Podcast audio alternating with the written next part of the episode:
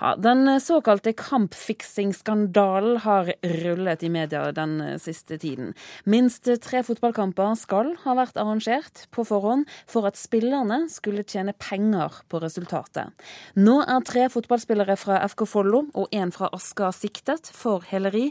Og på lørdag på formiddagen så gikk VG ut med både navn på eh, de siktede og bilder av dem også. Gunnar Bordal Johansen, du er fagmedarbeider ved Institutt for journalistikk, og du stusser over at spillerne ble identifisert. Hvorfor det? Jo, jeg uh, gjør det fordi at uh, på det stadiet vi nå befinner oss i denne saken, så syns jeg at man skal kunne være noe mer varsom. Uh, jeg skjønner at det er poenger som man kan anvende for å eh, forsvare selve eh, identifiseringen.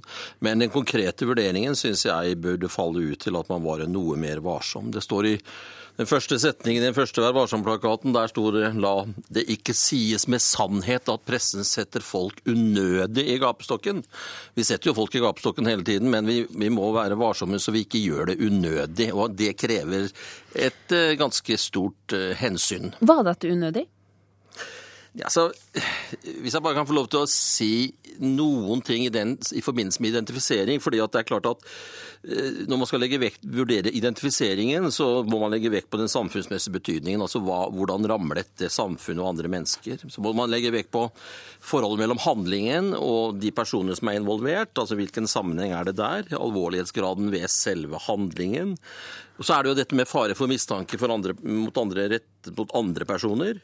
Eh, så kan man legge vekt på de involvertes alder, eh, og selvfølgelig hvor i straffesakskjeden denne saken befinner seg. Ja, det er mange hensyn her. Ja, Poenget er om du synes at VG har vurdert saken riktig. La meg bare si det at eh, dette Vi ser jo det når vi går gjennom disse seks tingene som jeg har pekt på her, at det er elementer som man kan anvende for å vurdere eller lande på dette at man skal identifisere. Men det vil bli en konkret vurdering, og jeg mener at Eh, særlig på bakgrunn av hvor saken da nå befinner seg, så syns jeg at min konkrete vurdering er at man burde vært latt være å gjøre det. Da må man spørre. Torre Pedersen, du er redaktør og administrerende direktør i VG. Hvorfor identifiserte disse spillerne allerede nå? Odal Johansen overser jo her et helt vesentlig element. Eh, på fredag så var det en pressekonferanse hvor eh, Kjetil Seem, generalsekretæren i Fotballforbundet, var til stede sammen med toppledelsen i Follo og Asker.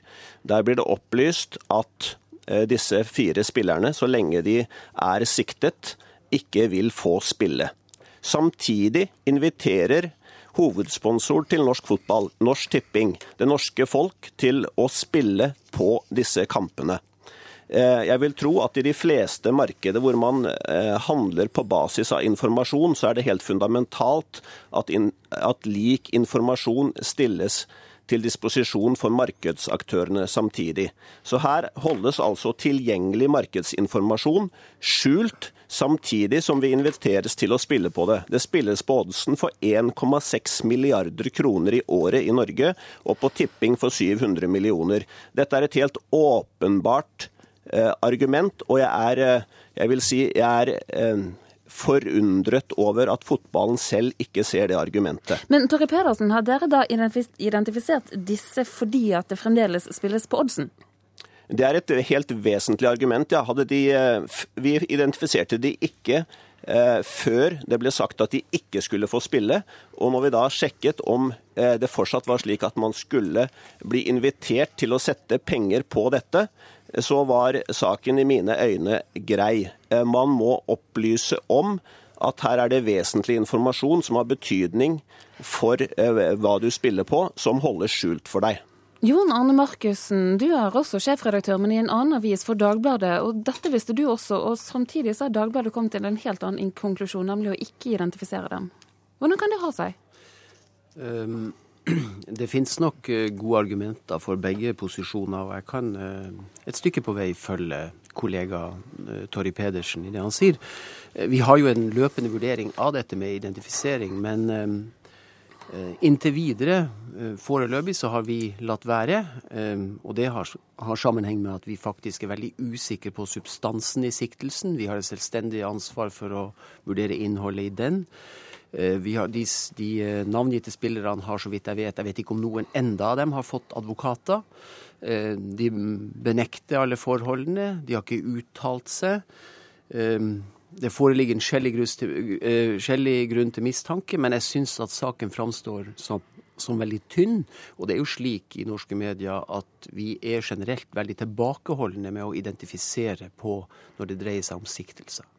Torry Pedersen, det synes jeg nesten du må svare litt på. Eh, jo, men det er jo, eh, det er jo ikke det dette handler om. Dette, eh, Jon Arne Markussen har bodd mange år i USA. Og i det amerikanske markedet så ville det vært helt utenkelig at det ikke ville fått konsekvenser hvis tilgjengelig markedsinformasjon ble unndratt offentligheten på denne måten. Ellers er jeg helt enig i at saken kan fremstå som tynn. Derfor har vi også vært svært omhyggelige med å understreke at disse ikke er skyldige.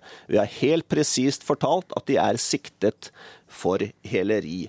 Eh, og så er det jo det argumentet at det er kjent at det var Follo og Asker disse spilte på. På et fotballag er det elleve fotballspillere.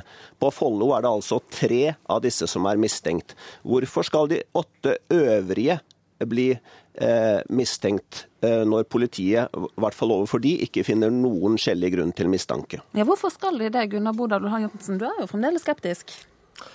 Ja, og jeg eh, må jo si at eh, sånn som saken fremstår, så snakker vi altså nå, så langt jeg skjønner, det er mulig at jeg ikke sitter med all informasjon, men at man snakker om det er en tre-fire kamper som har vært utsatt for, muligens vært utsatt for dette.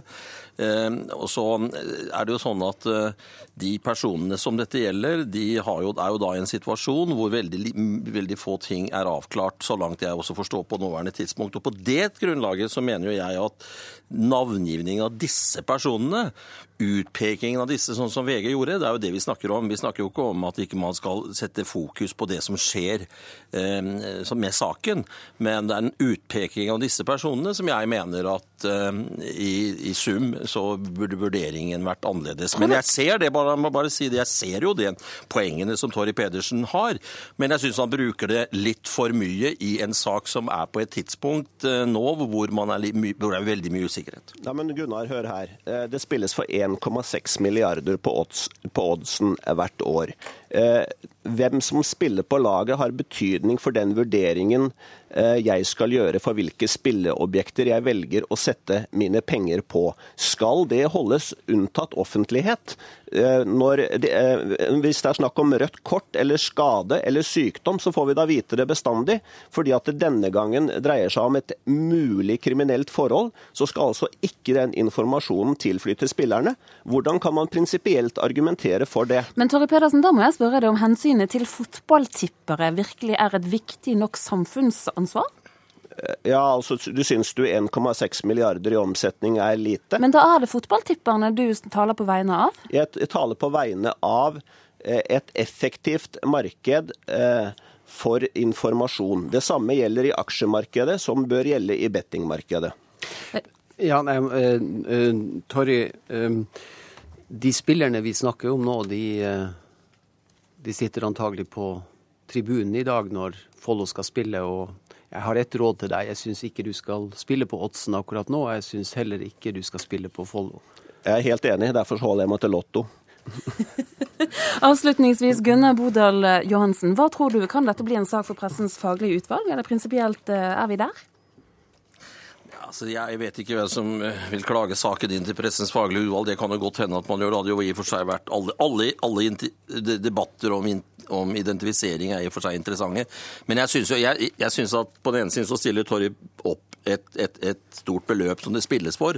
Og på den andre siden så, så, så, relaterer han det til tre spillere, eller noen spillere som han da så til de grader identifiserer. Jeg ser ikke helt sammenhengen mellom dette. Jeg skjønner det at man må ha stor fokus på dette, ikke minst på bakgrunn av at det spilles for så mye penger, men det er jo hensynet til enkeltmennesket her også, som Torry Pedersen er også må ivareta. Jo, men det, det, det er jo så enkelt som at eh, politiet må avklare om disse har gjort noe galt. Hvis ikke så må det jo renvaskes raskest mulig.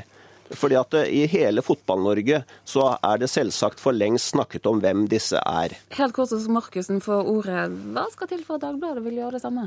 Nei, som jeg sier, Vi har en løpende vurdering av det. og Jeg syns faktisk at Torry har noen gode poeng med hensyn til spørsmålet identifisering. Men vi synes ikke vi er der nå. Eh, vi synes at vi kan altfor lite. Vi vet altfor lite om hva som skjuler seg bak denne siktelsen. Den er veldig tynn foreløpig. Der løper tiden fra oss. Jonan Markussen, Torry Pedersen og Gunnar Bodal Johansen, takk for at dere var med oss her i Kulturnytt.